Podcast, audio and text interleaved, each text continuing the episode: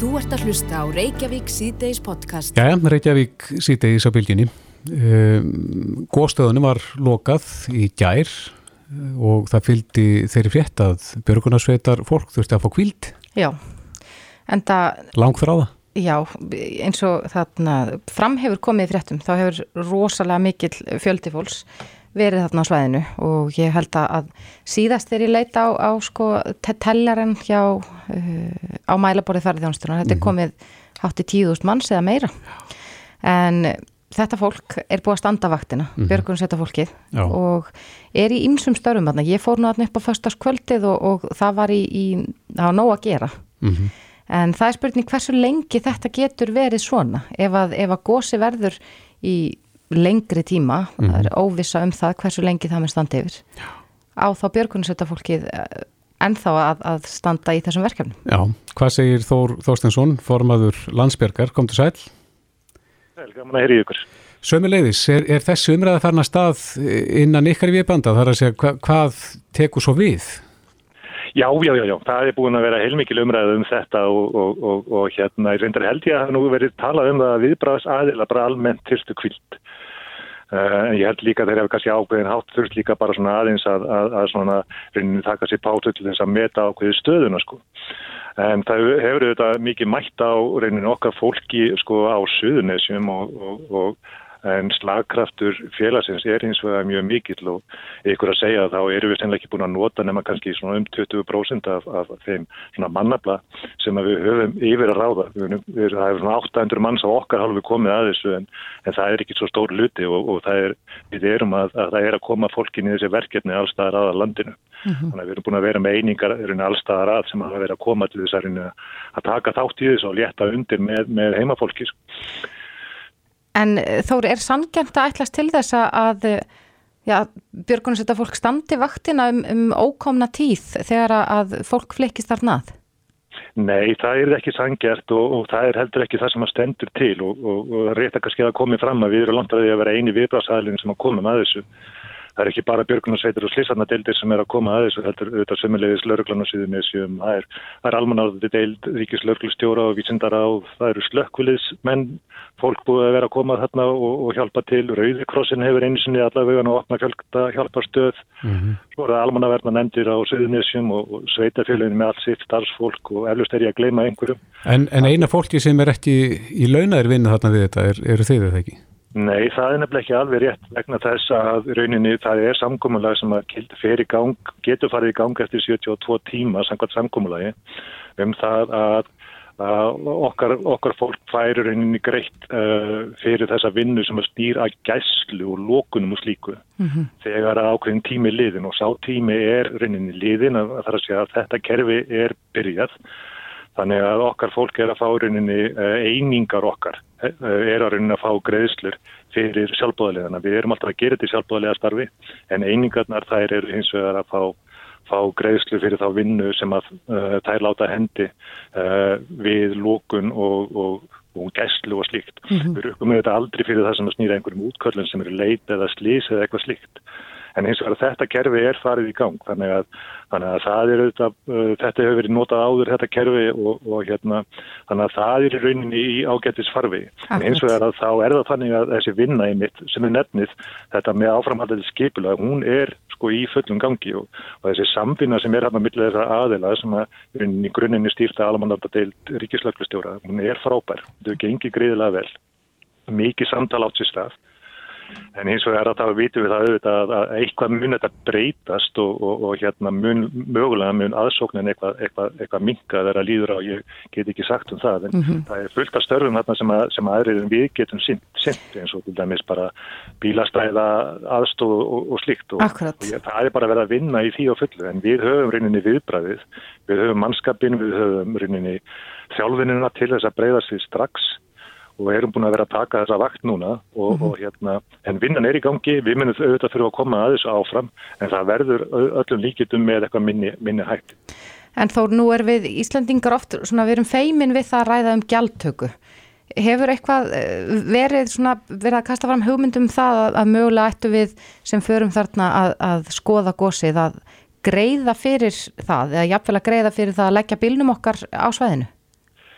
Já, stu, það er eitthvað sem svo umræða hefur ekkert verið að eiga sér stað hjá okkur en, en, en eins vegar að þá veit ég ekki hvort að það er til dæmis sveitafélagi sko, sem að, sem að er að standa að streyma þessum, þessum kostnaði við bílastæðin og það er kannski bara upplætt fyrir þau að stopna sín bílastæða sjóð og, og hérna bara, bara að rukka þarna inn og, og hérna en, en við erum í rauninni, sko, þetta er ekki eitthvað sem er að, að ángra okkur á nokkurn hátt og, og eins og ég segi við erum að fá rauninni greitt fyrir þessi svona hefðbundum verkefni sem snúa að þessu mm -hmm. og, og, hérna, og það er bara svona eins og kerfið er og, og kerfið má alltaf bæta en kerfið er gott og hérna, eftir þessu vinnum við og við vinnum bara mjög vel saman að þessu.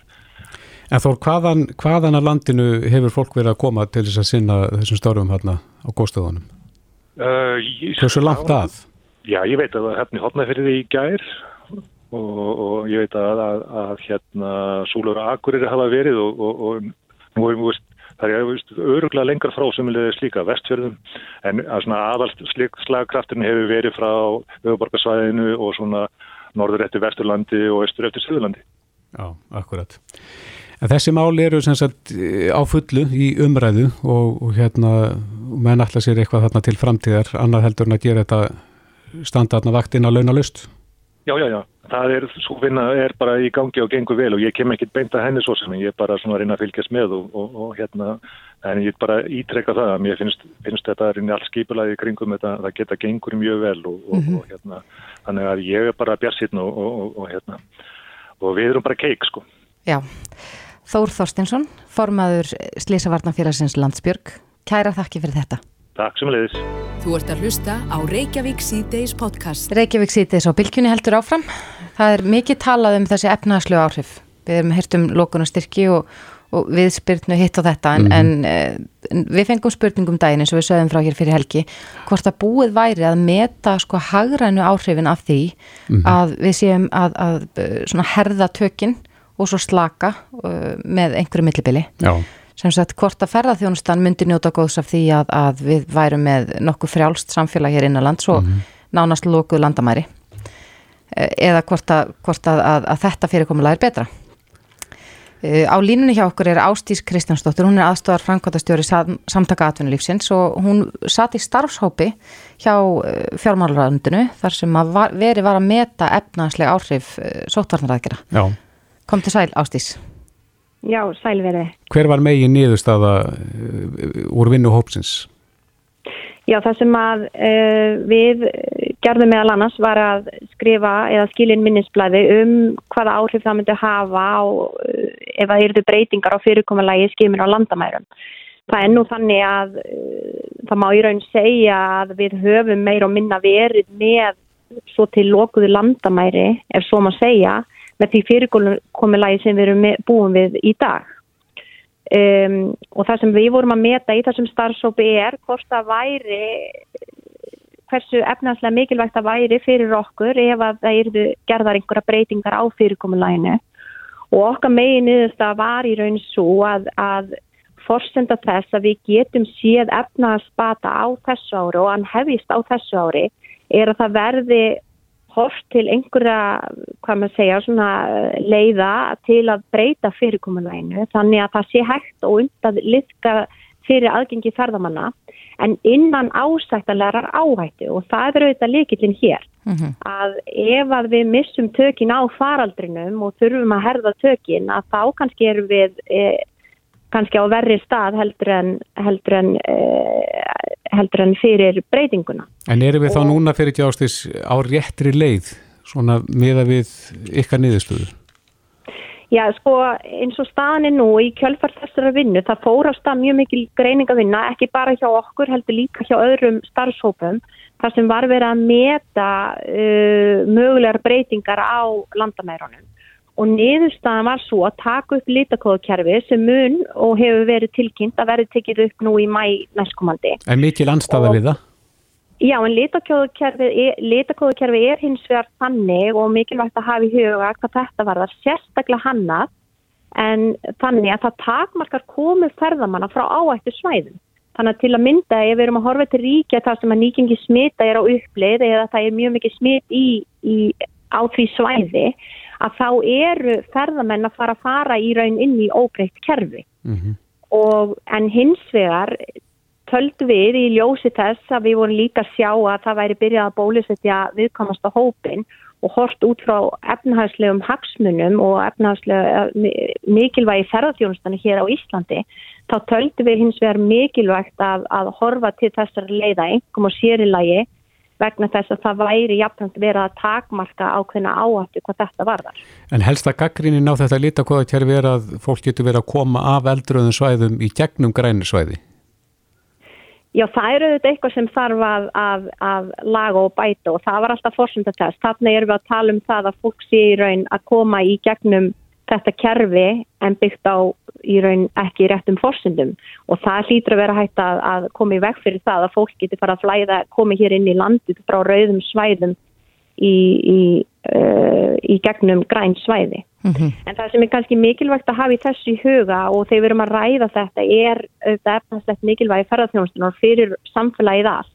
Það er ferðarsum að framöndan og við vorum líka að leggja áherslu á það að það er ákveðin fyrirsjáleiki sem ferðarþjónustan hefur kallað eftir og, og þessum fyrirsjáleika uh, má ég raun segja að stjórnvöld hafi komið fram með með því að kynna þetta litakóðu kjærfi og nú er sumari framöndan, að, það er búið að vera að selja inn á þennan, þetta tímabil og forsendur allar gera ráð fyrir því að hér munu koma 700.000 ferðamenn til landsins á þessu ári.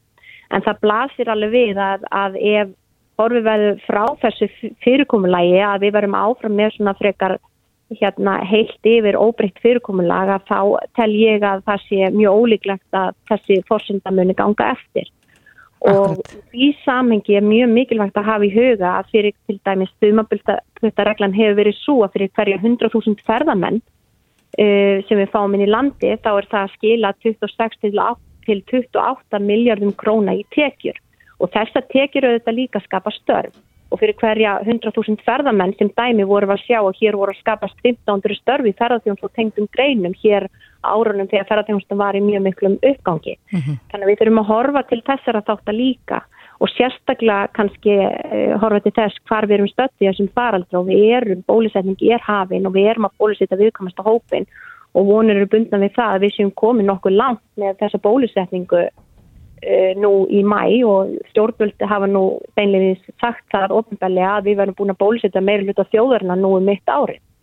En Ástís, eh, hefur það verið metið líka sko hversu mikið getur við eh, fyllt í þetta skarð sem að er eftir ferðamennina? Getur við Íslandingar ferðast nægilega mikið til þess að, já, einhvern veginn að bæta örlítið tjónið? Uh, við sáum þar nú hins vegar, jú það voru, það er vísbendinga þess efnis auðvitað hvernig við sáum hvernig ferðarlega voru hér innanlands síðasta sumar. Og við erum að sjá það í haugtölum að, að innlend eftirspurn hefur reyn sterkari heldur en kannski spárgerð ráð fyrir. Um, og við sjáum það bæði hef, var reyndist enganeislan sterkari sem og fjárfestingin og enganeislan er meðal annars vegna þess að við höfum verið að flytja svolítið e, má segja neistlu okkar hér innanlands í staðis að ferðast elendist en heildar niðurstað fyrir áriði fyrra var hins vegar 6,6% samdráttur. Það er að segja landsframislan og verðmætasköpun okkar dróst saman um 6,6% og við erum enn að horfa á það að hér er 10-12% atvinnileysi. Þannig að við getum aldrei fyllt alveg upp í þetta skarð en auðvita hefur það hins vegar hjálpa til og milda þöggi. Við vorum að gera ráð fyrir mun svart síðan sviðsmynd en raunin var hér í upphafi faraldursins en okkur hefur tekið spetur að ha, ha, ná tökum á faraldrinum og sóktvarnir innanlands hafa heilt yfir verið eh, hvað maður segja, ekki eins harðar eins og það sem við hefum verið að sjá erlendist þannig að það hefur kannski mildat höggið en okkur, ég held að það blasi alveg við að við munum aldrei ná að fylla algjörlega upp í skarði með engungum með eh, neistlu okkar innanlands. Nei En svona rétt í lokin uh, spárnar, Hver, hverju spáir þið núna með framhaldið og kannski setni hluta þess árs? Við erum eh, enn að, binda voni við það að við verðum svona, uh, hvað maður segja, að efnahagsbatin geti hafist nú í sumar og það byggir alltaf því að, að ferðarþjómsdan uh, nái að taka við sér og við förum að sjá hér ferðarmenn streyma til landsins en auðvitað skiptir máli hvernig og, og, og tengist jáfnframt hvers konar kerfi við munum taka hér upp í mæ, þá skiptir máli hvernig faraldur mun tróast erlendi hvort að það verði í raun liðkun muni eiga sér stað vegna þess að eins og ég sagði áðan að þá er þetta allt á því hvernig e, faraldurinn er að þróast ellendis í, í hvers konar takmarka munu býða, hvers konar takmarkanu ferðamenn munu þurfa að fara í þegar þau koma hinga til landsins. En sem og þá skiptir líka máli hversu hratt e, okkur mun taka að, að bólusittja þjóðina og það auðvitað einskorðast ekki bara við Ísland heldur líka auðvitað í okkar helstu viðskipt á löndum þannig að við getum séð verulega lykkanir takmarkana mm -hmm. bæði hér heima og, og úti. Já, við sjáum hvernig þetta fyrir Ástís Kristjánsdóttir, aðstofar framkvæmtastjóri samtaka aðtunlífsins. Kæra þakki fyrir þetta. Takk hérlega. Hlustaðu hvena sem er á Reykjavík C-Days podcast. Já, Reykjavík C-Days, það voru margir fúlir yfir framistuð íslenska liðsins og gengi liðsins í þessum landsleikjum tveimu síðustu. Já, þetta hafi ekki verið já, góðir dagar Nei, fyrir þess, okkar menn. Einmitt, og þá sérstaklega kannski gagvart Armeníu sem að já, margir töldu að við áttum svona í þeim mista bladi að vinna þann leik. Akkurat og uh, hvort að tölfræðin síndi það fyrir leikin að Armeran hafi aldrei skorað þjá íslenska liðinni svo komið tvö mörkarna í gær mm -hmm. leikunni fór 2-0 Henri Birgir Gunnarsson Íþróttafrættamæður á stöðu sport er á línu, kom til sæl Komið sæl Já, Hvernig meitur þú stöðu íslenska liðsins? Er, er liðið á einhvern tímamótum þessa dagana? Já, sko við náttúrulega syklum alltaf uh, nær og nær því að uh, þurfa að fara í einhvers konar uh, kynslu og aðskipti. Náttúrulega gamla bandi eins og það er kallast strákarnir sem eru búin að veita okkur alla þessa velgengni undanfærin ár. Mm -hmm. Náttúrulega er að ræskjast aðeins en það gengur svona, hvað ég var að segja, hægt og kannski ekki allt og vel að svona endur nýja liðið eins og kannski sjámátti að frekar svona heilt yfir frekar aldra lið sem að hóð þennan leik í gær en ég menna að þjálfvarnir er að vinna til því að þeir eh, aldur skipt ekki máli en eh, einhvern veginn þarf að vera góð blanda en þetta var ekki góðu leikur fyrir eh, gamla bandi í gær, það er ótaf að segja það, þetta var afspyrnuslagt. En nú vantar þó nokkuð marga leikmenn, það hafa einhverju verið mittir, Albert Guðmundsson var í leikbanni og, og þar fram til göttunum. Ja, hann var í leiknum í gær. Já, hann Já, var í, leik... í leikbanni í næsta leik. Já. En jú, vissulega vantar náttúrulega langbæsta eh, leikmannliðsins, Gilva Þó Sigursson, manni sem er búin að vera að draga vagnir fyrir okkur undanfæran ára og annað og það, og sko, og þó svo að vanti Gilva þá eh, eigum við nú samt að geta gert á kröfu á að, eh, að við, já, stöndum okkur betra á móti liði eins og Armeníu, þetta er kannski ekki, þetta er bara lið sem við eigum að vera betra en það sem kannski er mest sláandi við þetta er hversu liðið er einhvern veginn hugmyndasnöytt og kraftlaust ánans. Það var, ja, eh, liðið virkaði halv andlust, eh, sóktalegurinn var ekki upp á marga fiska, það vantaði einhvern til að taka skarið ofta tíu að hugsa að maður hvort þið var að býja til að kynni kæmi bara inn í liðið. Og það er, já fyrir mér var það eiginlega mest lágand að sjá bara hversu daburt liðið er án gilfa og það er náttúrulega reysa stórt ágefni því að hann verður náttúrulega ekkert með liðinu Eh, endalust og við verðum að geta leist svona leiki eh, án gilfa og það er já, það er bara verulega vond að sjá að liði skul ekki geta bröðist betur við þetta þó svo að vanti eins frábæra leikmann og, og gilfi er. Sko. Já, það var aldrei skýring í gerð og meðal hans hjá leikmannum að liði hefði spilað sem eh, sko einstaklingar en ekki sem lið og liðis heilt. Já, já sammála því sko, það er náttúrulega eins og ég talaði með, liði var svona hálf andlaust einhvern veginn, það vantaði baróttu, samstöðu og annað sem við erum svona þekkt fyrir að sjá allir að íta á eftir hvora öðrum og þannig kemur svona einhver orka inn í liðin. Menn voru rosa mikið að dútla hver í sínu horni og svo virðist komið bákveðið panik í liði þegar það fær á sig fyrramarki í leiknum og eh, næri einhvern veginn ekki að breyðast almeinlega við og þarna erum við bara komið eitthvað aðeins inn á andlegu liðina og spennustíð og hvernig svona stemningin er og Það er náttúrulega stórum eh, hluta að þetta bara skrifast á leikmennina sjálfa en uh, auðvitað þarf líka að hafa að setja spurningamerki við undirbúningin og já, þjálfarateiminu annað því þetta var, þetta var ekki bólegt. Við gerum bara einfallega meiri kröfur til liðsisokkar heldur en það sem að það bauð upp á í þessu leik. Henri, heldur þetta séu ykkur svona eh, byrjanda örðurleikar hjá Arnar Þór Veðarsinni sem er nú frekar nýbúin að taka við landsleginu? Já, þetta er náttúrulega algjörlega hörmulega byrjun uh, á landslýsverði. Það var náttúrulega engin að gera þá kröfu á að liði myndi vinna Þískaland en náttúrulega móti að leikir loki þar eftir 6 mínútur. Það er bara þannig. Uh, þetta er fyrsta svona alvöru prófið í Armeníu í þessu leik og þó svo við höfum að tala um að vantæði gilfa að sko Armeníu er ekki með einn sko leikmannhópu við og það vantæði tvo bestu leikmenn armina þannig að það er ekki svo þeirra að vera, vera á fullu gasi og móti okkur og liði fær einfallega risa stóra fallengur fyrir þessa framistuðu í, í Jerevan í gær þannig að byrjunin er alveg óbóslega erfi fyrir eh, nýtt þjálfarateimi og þeir fá vindir í fangið held ég að sé óvært að segja strax mm. upp á því. En þú talar um kynnslóðaskiptin að þau eru bara eh, á næsta leiti. Hvað, hvað tefur það? Erum við ekki með nægan efni við sem er að koma upp?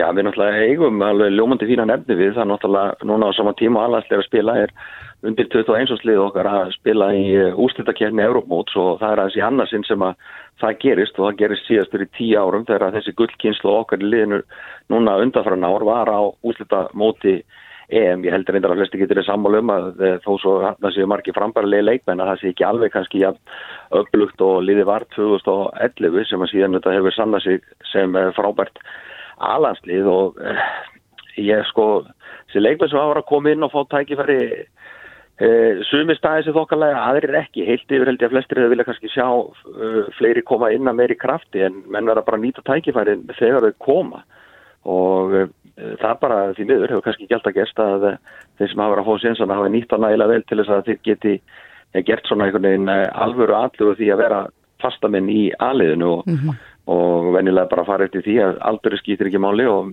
og þú þarfst að vera betri, ekki bara yngri, þú þarfst að vera betri en sá sem verður fyrir og Við verðumst ekki alveg vera komin hónga. Nei, en nú hafa fjóri leikminn úr, úr 21 árs landsliðinu hafa verið kallaður upp í A-landsliðið fyrir leikin á miðvíkudagin. Erstu bjart sérna að hann, hann gangi betur? Já, það er náttúrulega bara reygin nexli ef við vinnum ekki Líktenstein. Líktenstein er uh, dvergríki og er ekki með gott fókbóltalið og uh, við höfum séð úr uh, leikið þeirra að það náttúrulega er vafarsamt við sko töpuður reyndar fyrir Líktenstein fyrir 10 pluss árum síðan sem var Já, svona eitt neyðalegt að tap í sögu landslýsins en uh, það er algjörlega ófyrirgevalegt ef að þetta lýsið erum í höndunum vinnur ekki þennan leik við líktist en mm. það er mhm. bara, það er því algjör skandal.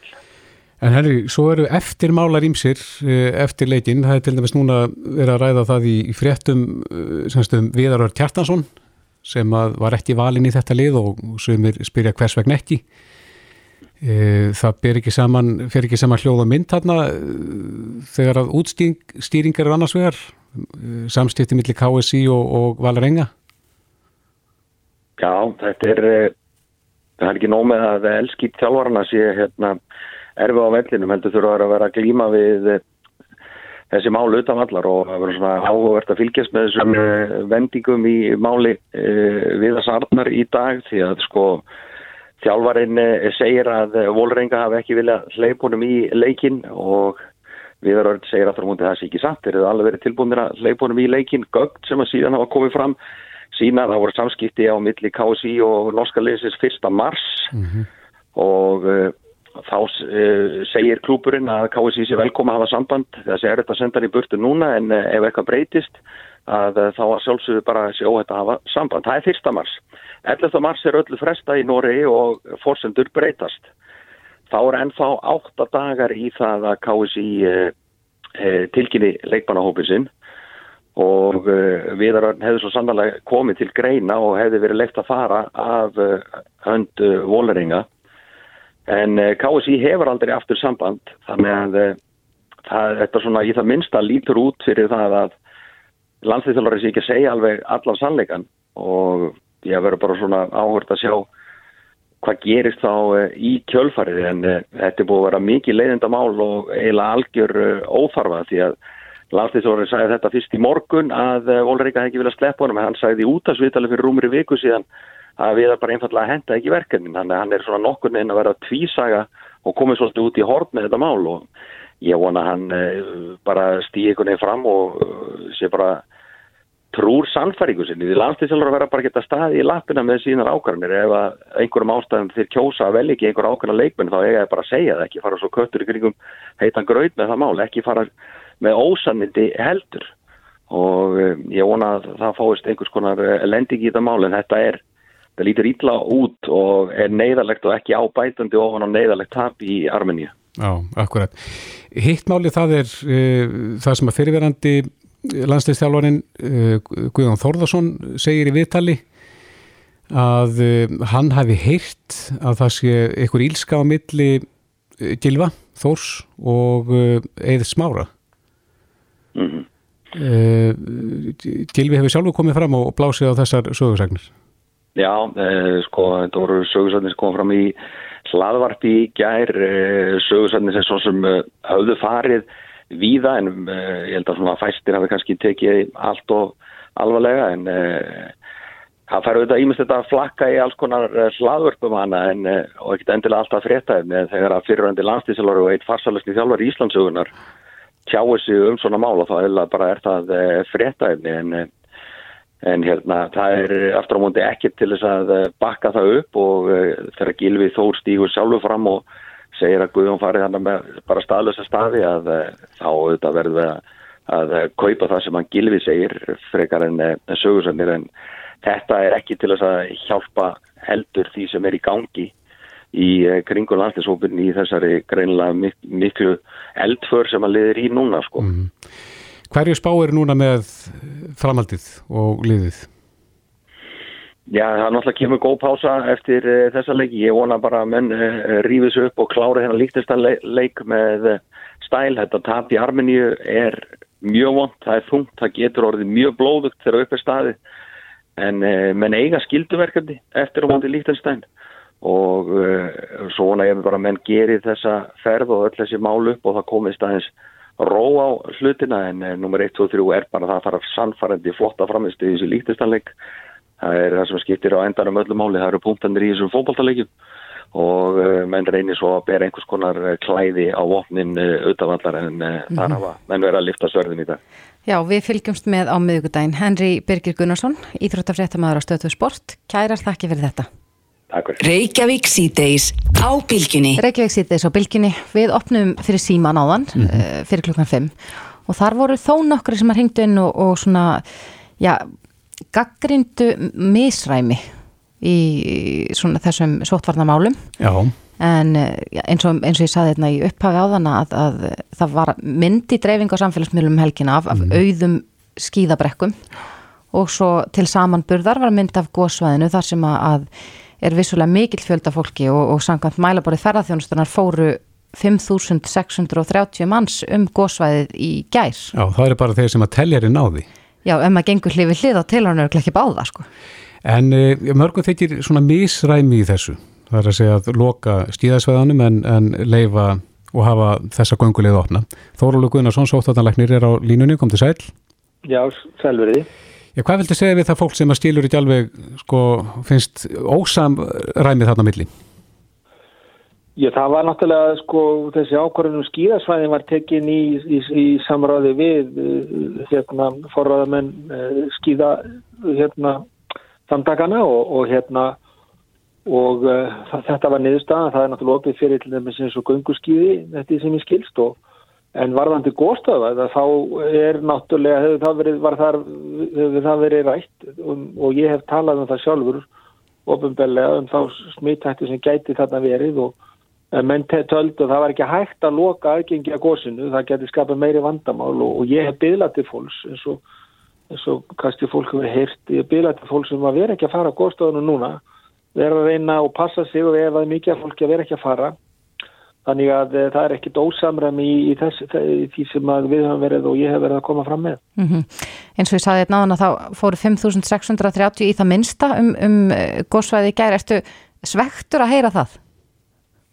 Ég er ekkit svektur sérstaklega. Ég, menna, ég skil mjög vel að fólku hérna, hafi mikið náhuga því að, að skoða góðstöðunar en, en, en ég er náttúrulega er, hef áhyggjur af því að það getur verið smittætt að þannig og, og sérstaklega það sem að fólk er að uh, lappa í þjettum hópum á, á hérna stífunum og tóðandi í sama reypið upp brekkurnar og uh, nú ef að fólk ferðarna og getur dreift verulega úr sér uh, í, í kringum stöðvarnar þá góðstöðvarnar þá er það sjálfsveit kannski ekki mikið smittætta en það er smittætta þegar fólk er að tilpast saman og hópast saman á, á, á hérna á uh, fáum stöðum mm -hmm. og þess vegna hef ég byggðlega til fólk sem að um að fara gætilega og, og jafnvel að bara býða með að vera ekki að fara. Já, en það hefur líka komið fram og verið talið upp að svona þegar að smiti tölur eru lesnar upp að við komandi hafi farið meðal annars á góðstöðuarnar. Einn spurning sem að bast frá hlustnanda mætti það koma fram þegar þetta er tekið fram að, að smitar hafi farið á góðstöðuarnar að tiltaka tíman. Þannig að þeir sem voru á svipuðum tíma geti þá kannski haft meira varan á.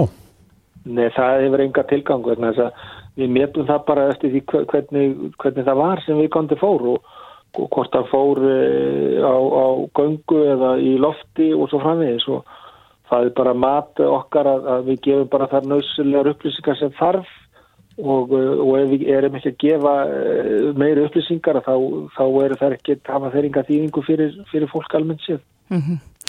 En Þorlur, þú varst nú í bítinu í morgun eins og ofta á mánutum og, og varst aðeins að ræða stöðuna hérna innanlands. Eh, er, er þetta óskastaða sem við erum í núna, sem að, að, að þetta er að fara í þá átt sem við vildum? Já, óskastað, ég veit ekki. Það er náttúrulega, við gleymumst náttúrulega yfir því að við erum ekki að fá aukningu á, á, á fjöldanum. Það er bara mjög ánægilegt og, mm. og eins og við vildum sjá, við vildum akkurat geta haldið þessu bara niðri og svo vil, viljum við sjá þetta bara fjár út. Við erum eftir að greina fleiri sem er í sóttkví alveg klárlega, ég held að það sé óhjákvæmlegt það eru svo margir í sóttkví sem hafur útsettir að, að þeir eiga eftir að greinast núna næstu dögum. Mm -hmm. e, það sem er, kannski vekur svona upp, það er þetta að við erum að greina fólk fyrir utan sóttkví og, og eru þá með veiru tegund Uh, undirtegunda þessi breska afbreyði sem uh, er ekkert að rekja áfram, hefur ekki fundist á landamærum, hefur þannig einhvern veginn komist fram hjá kerfinu inn í landið og, og þá vitum við ekki hver útbreyslan er. Er þetta stökur tilfellið eða er hún útbreytar en við teljum og það er það sem maður er svona ákveðnar áhyggjur af. Já. Eh, önnur hugmynd sem hefur kveiknað og það er að við getum hugsanlega fengið lánað bóluefni frá þjóðum sem eru kannski liggja með eitthvað á lager og er ekkert að nota núna. Eh, þetta var meðlans rætt á þingi. Hver er þín skoðun á þessu? Jú, ég held þetta sé bara fín hugmynd og ég hef sjálfur viðrað þessa hugmynd og, og til það mjög sérkennilegt að þjóðu geti sem er búin að kaupa bóluefni liggi með bóluefni vegna þess að fólk, fólk vil ekki nota það á svo framvís og meðan aðri vil geta nota það og ég held að það væri bara mjög fínt ef við gætum fengið bara lánað bólefni og, svo borgum við það bara tilbaka með okkar bólefni og mér finnst þetta bara góð hugmynd en það er ekki vist að um gangi upp vegna þess að ég held að sé á þess að ég viti það eh, þá held ég að sé einhverju skilmálar af því ef þjófið noti ekki bólefni þá þurfum við það að fara í einhverja dreifingu sko inn á Evrópu sambansins en ég þekki það bara hennilega ekki nógu vel til að geta sagt það en, en mér finnst þetta bara fín hugmynd. Er, er eitthvað í gangi, Já, ég veit það ekki nákvæmlega. Ég hef viðræðið þetta við forraðamenn. Við heilbyrðis á þeirra? Já, meðal annars, já. Og hvernig hefur verið tekið í hugmyndina? Það hefur bara tekið ágætlega. Ég hef svo sem hef ekkert verið að eh, spyrjast fyrir um hvernig, hvernig, hvernig því hefur fyllt eftir. Að þetta getur nú flíkt heldur betur eða ekki þessum, á, þessum áallinum hér?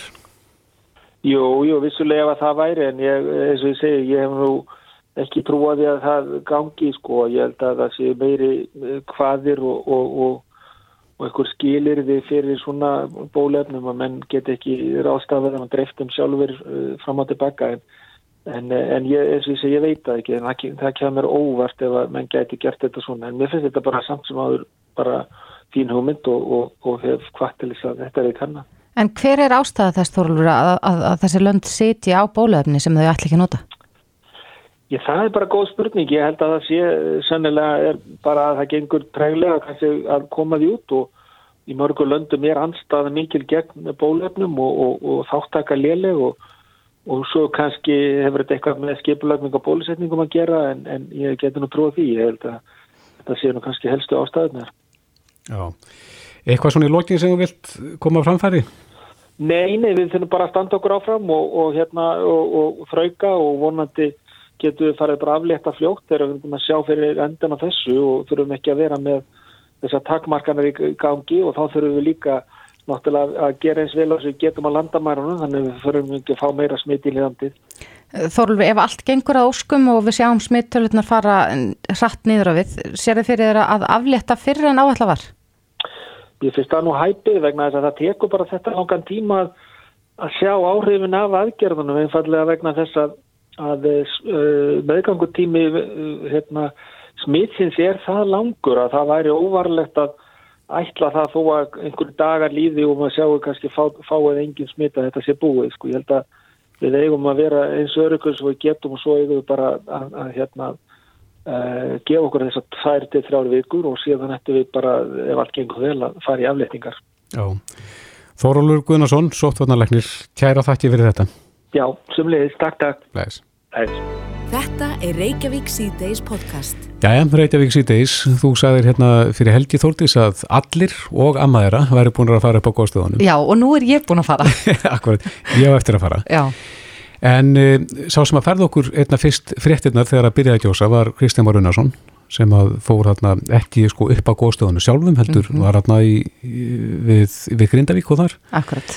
Flögið við með þyrlu en Kristján, nú ert þú búin að fara og skoða sjálfur, príváta persónulega. Já, já, ég fór að vísu í vinnunni hérna tvívegis í þyrlu og hérna á, á, á lögadeinum, bæða mótni og um kvöldið já.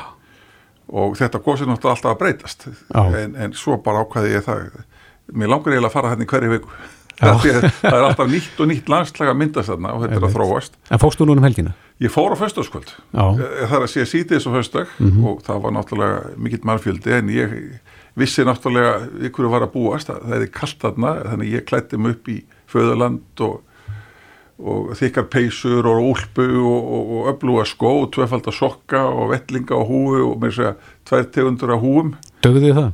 Um, ég hefði viljað hafa mér segja þykkara vellinga en ég var reyndar sko með tvenna vellinga og hérna svo var ég með auka sokka sem ég geta breytt yfir sko hendurnar en, mm -hmm. en það var að því að maður alltaf var sko það var alltaf kallt, það var mikið frost.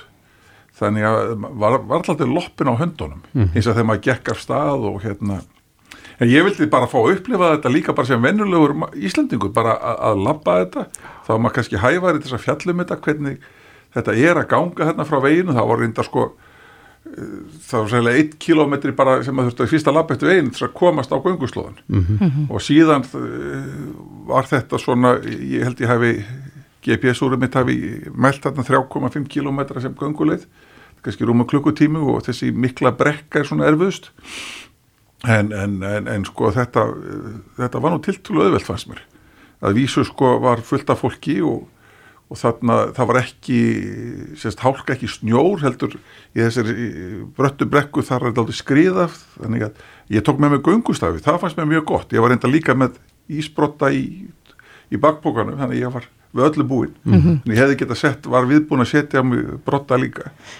En, en hérna, já, svo, svo vildi nú konar mín líka fá að sjá þetta. Þannig að það, það var nú kannski líka til þess að en ég vildi líka bara upplefa þetta sjálfur að koma gangandi þarna eins og bara eins og allir aðrir fá að sjá þetta og, og líka það var gaman að upplifa hennar mannfjölda. En hvernig, hvernig var að fylgjast með góðs núna fóstu bara þarna í upphafi og svo ertu búin að fara aftur, þú ertu búin að fara eins og segi tvísar vegna vinnunar. Er, er þetta sama sjónarspilið? Já, já og það er það sem eiginlega, kemur eiginlega mest óvart, það er eiginlega alveg stöðugt. Þetta hækkar gígurinn og hann breytist, hann er stöðugt að breytast. Fyrstu voru þetta 5-6 op sko síðan hafa þetta náðalega verið tvö upp og svo erum við að spá því að síðan verða kannski eitt upp. Mm -hmm. en, en svo er þetta raunni það sem maður sér fyrst bara fyrst á lögadeginum þarna bara sólaring eftir þetta hefst og, og innan við sólaring þá er ég þarna nýri í dalbotnunum þá er þarna bara eh, graslendi. Ég var eiginlega mest hiss á því ég held að það væri bara auðn og raun og og, og uppblási sveði, nei þarna var heilmikil eh, enda þetta geldingadali, þetta var nýtt til beitar sögfjárbeitar geldingar Ísfólks landnámsmanns voru, hann sagður hérna, landegandi sagði mér að uh, nafni væri dreigað því að Ísfólku landnámsmaður sem var fyrstur bjóð hérna á Ísfólkskála, hann mm. hefði haft geldinga sína þarna Já, þú, þú talaði við landegandan hefur hann hugmyndum eða skoðan á hvað þetta á að heita? Já, hann nefndi það sko þegar hann var lítil strákur og fór þarna með köllum að smala þá var þarna dís og þeir segja eða það eru munmæli herma þarna sé sjálfur Ísólfur grafin þetta sé haugur hans á að tala um hauga en ekki grafir svona í gamla daga mm. í hinninni. Að minnst okkur stu kortið það er satt að við getum ekki, það er ofsend að rannsaka það núna en þarna var minnst okkur stu ykkur skonar hóll eða, eða hæð þar sem henn sögði þarna leikur hann Ísólfur og bændunir buðu alltaf góðan daginn Ísólfur þegar þeir gengu hann þannig að eh, sko ég spurði þetta landingand en er ekki bara rækið þetta að verði kent við Ísólf og mér finnst það svona bara að koma mjög sterklega til greina mm -hmm. það er kannski betra að býða fyrir önnrefna nefnd og metamálar á það að sjá hvernig þetta lítur út að það er mikið um barninu nafnið en, en, að, en að stopninu verði Ísólfur, Ísólsborg eða Ísólsborgir, Ísólshraun Ísólstingja menn ef, ef ykkur sko mér finnst einhvern veginn svona geldingadalur bara geldingadalshrun eða geldingadalarhraun mm -hmm. eða fagirarhraun þetta er falla þetta að segja fagirarhraun en mér finnst þetta aldrei íslensk það er líka svona miða við hefðina þannig er augmundarhraun 700 ára gammalt hraun sem er hann þarna ekkert, ég er skamt austar sko mm -hmm. það var kent við mann þannig að minn hafa hafa fordæmið að, að nýrhraun eru kent við personu þannig að ef Ísólshaugur er þarna þannig er skáli Ísólskáli þar sem hann sáður hafa búið. Og, og landnáma segir held ég frá landnámsmannum Ísólfi. Mér finnst það bara algjörlega rækið þetta verið kent við Ísólf. Ísólsborgir eða Ísólshraun Ísólstingja Ég sá að bandarski herin er að stinga upp að við nefnum þetta hot stuff. Já, ég gerði það fréttum það líka. Og, e, þetta er líka alltaf merkilegt hvað þetta er nála teimstað því að þetta var fyrir var Fagradalsfjall frægast fyrir þetta slis vegna þess að menn hafa stundu sagt að Fagradalsfjalli sem breytti heimsögunni vegna þess að eh, Andrús, hann var yfirmaður herra bandarækjaman í Evrópu og Eisenhower tekur við, Dwight Eisenhower. Og hann var ekkert í stjórnmálum, það var bara hann var heti að því hann leti sigur bandaríkjamanna í Evrópu. Mm -hmm. þannig að bæði sko demokrataflokkurinn og republikanaflokkurinn þeir sóttist eftir að fá hann í frambóð svo gaf hann kost á sér fyrir republikana en hann hafði ekkit alltaf að vera stjórnmálamöður þannig að ef Andrjús hefði leitt þessa sigur fyrr gegn þjóðverunum, næstustónum þá hefðu kannski báði flokkarnir kefst eftir því að fá Andrjús gera hann að sína fórstafræðan mm. ekki æsunáver, að því leitunum geta að hafa breytt heimsögun Já, rétt eins og lokin, þú náður að sjá er það ekki gósi bæði í björtu og dimmu? Jú, ég var þetta í ljósaskiptunum kom mm. þarna um 7-8 leitið og var þetta alveg frem til 10 kveldi sko. Mælur þau með því að fólk gerir það sem allar að fara á það? Já, en ég voru líka með ljós. Það er alltaf erfitt að fara þetta er alltaf úvið landslag, það þarf að passa sig. Fólk þarf að hafa góð, góð höfuljós í myrkri. Og jafnvel sko það hjálpaði reynda til að það voru þetta mörgundur manns og hann að hver maður með höfuljós þannig að þetta var eins og bara eins og upplýst gönguleið. Þannig að ef fólk allar að vera í myrkri þá er ljós, höfuljós bara mjög mikilvægt en það er það þarf ekki endilega að fara í útveistabúð, það er að fá þetta í byggingaböruvesslunum mm. ef vísu þegar ég fór í eitthvað búð þá voruð uppselt, það er allir að hugsa það sama. Ég skist að þetta sé líka ásögn í útveistabörur Já, við, ég var aðna sama tíma þú Kristján, við höfum örgulega mæst eitthvað starf leðinni en, en þarna, það var einhver að segja við mig að það væri nú bara sniðt að vera með gám sem selur höfuljós þarna nýri við veginn maður geti greitt á því Já, eða bara leia, bara, þú þarf ekki að hafa höfuljósi nema í þrjá tíma eða svo Já. og borgar þá bara í stæðis að borga 20 skallur höfuljósi eða hvað það kostar, mm. eða 10 skall þá, þá getur við bara fengið að leikt á tvöðu skall. Kristján Marjonsson, gaman að fá þig. Takk fyrir komina. Reykjavík síðdeis á Bilginni podcast. Jæja, Reykjavík síðdeis heldur áfram. Við eh, fjöllum svolítið um þá síðast ári að það var gælutýra skortur. Já. Eða í raun og veru var eh, þessu nú aðeins hafnað þar sem að það var eh, nógum ketti hjá villikvöttum og kattholti og þýmlíkt en fólk var allavega frekar æsti að fá sér bæði hreinræktað ketti og hunda Já. en það er spurning hvort að þeir sem voru algjörlega í spreng uh, síðastlið ár mm -hmm. hvort að þetta fólk sé enn að býða hvort að sé enn í spreng eða mögulega bara búið að missa áhugan Já, ég vil búið að fá og stíla við erum að heyra því að fólk sé svolítið að, að stíla líka Akkurat Treysti sér ekki verkefnið en uh, á línunni er Guðni Rödd Ísaksen frangotastjóri Hundaræktafélags Íslands, kom til sæl Já, komið sæl. Hvernig er það, Guðni? Eh, hafið þið heyrt á því að, að það sé ennþá jafn mikil eftirspurn eftir hundum eins og eins og var? Já, sko við finnum fyrir því að hún hefur ennþá alveg gríðaleg en hún hefur líka verið að aukast í gegnum tíð, er svona síðastliðin ár. Þá hefur við séð gríðalega aukningu í þess að bara að fólk vil fá sér hund. Fólk er svona Eh, skilja eh, hvað gæluturinn geta gert fyrir okkur og mhm. góði félagskapurinn og auðvitað svo þegar hérna, fólk voru að vera meira heima í, í kringum COVID og allt þetta að þá fundum við fyrir líka, jú, mjög meiri svona fyrirspurnum, það var mikið verið að ringi okkur og spörja uh, hvernig maður fær sér hund og, og, og hvernig hund maður á að fá sér og allt þetta. Já, hefur eftirspurnin ekkert verið svarað? Nei, rauninni eh, myndi ég ekki segja það, en í sjálfu sér er það ekkert, uh, ekkert óeililegt. Það hefur í rauninni, það hefur rauninni verið viðvarandi að það hefur, um, það er ekkert öðvelt, þú, þú, þú, þú vaknar ekki upp daginn og, og segir bara, já, náttúrulega bara fóð með hund og svo erum bara komin í hendunar að það er, þú veist, 5-5 setna. Það er sem betur sér, ekki viðtengin venja hjá uh, ræktandunum hjá okkur mm -hmm. að, að þú yfirleitt, þú lýsir svona veltiði fyrir hvernig hund ykkur fjölskyldan ætti að fá sér og hvað hendar ykkur, hvað tegundi, hvað einleikar og, og, og svo aftur uh, hvað, hvers konar lífstil þið lífið og, mm og hvað hendar ykkur og síðan velur þið tegund og síðan hefur sambandi ræktundur og þá er oft getur verið, getur þurft að býða í tvö ár, þrjú ár Akkurat.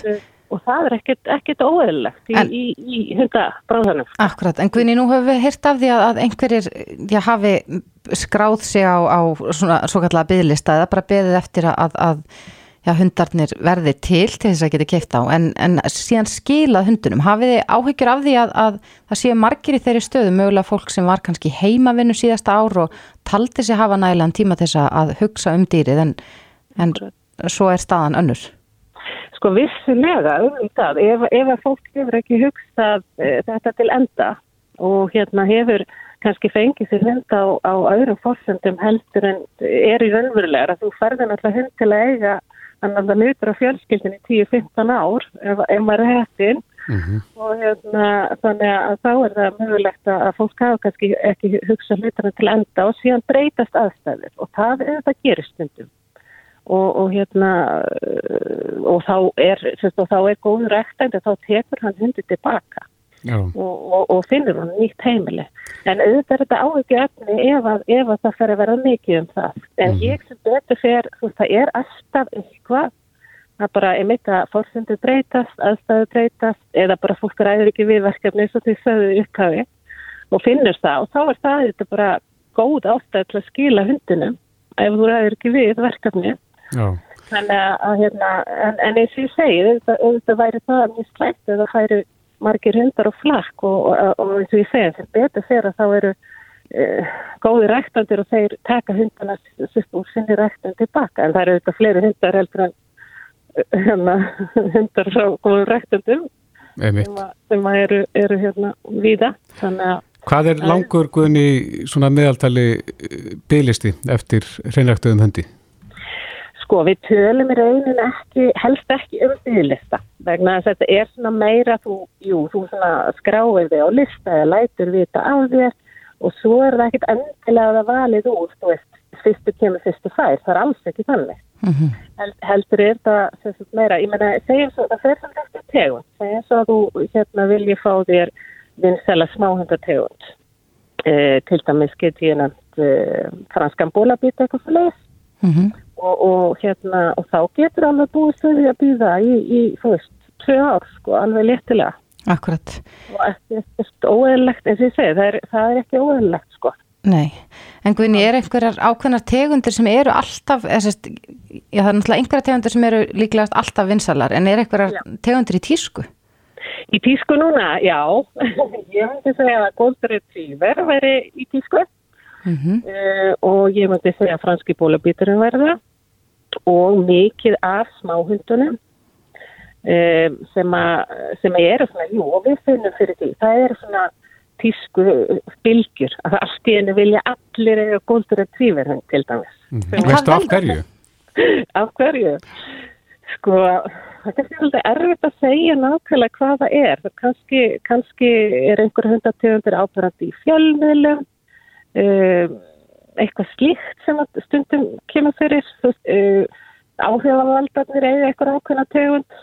Þú veist, þú sér þá meira þá fer það allt í að verða eitthvað spennandi að fá svo lesend það getur verið hlutaði það er svona pína að þetta segja en hérna En eins og ég segi, við, bara, við viljum bara að fólk veldi virkilega vel fyrir sér. Hvaða tegund hendar er ég tilbúin til að finna hundi í, í, í fjöldamörg ár og gefa hún eitthvað líf og hérna þannig að við viljum bara fólk leggja leggja, við leggjum bara mesta áherslu á það mm -hmm. og fáið sér auðvitað svo komið sér í samband við góðan ræktanda sem að hérna, hjálpar, hjálpar þeim áfram og, og stiði við það í uppöldinu. Já, Guðni Rödd Ísaksen Frankvandastjóri Hundaræktafélags Íslands. Kæra þakki fyrir þetta. Kæra þakki sem við leiðis fyrir blessu Bless. Reykjavík síðdeis á Bilginni podcast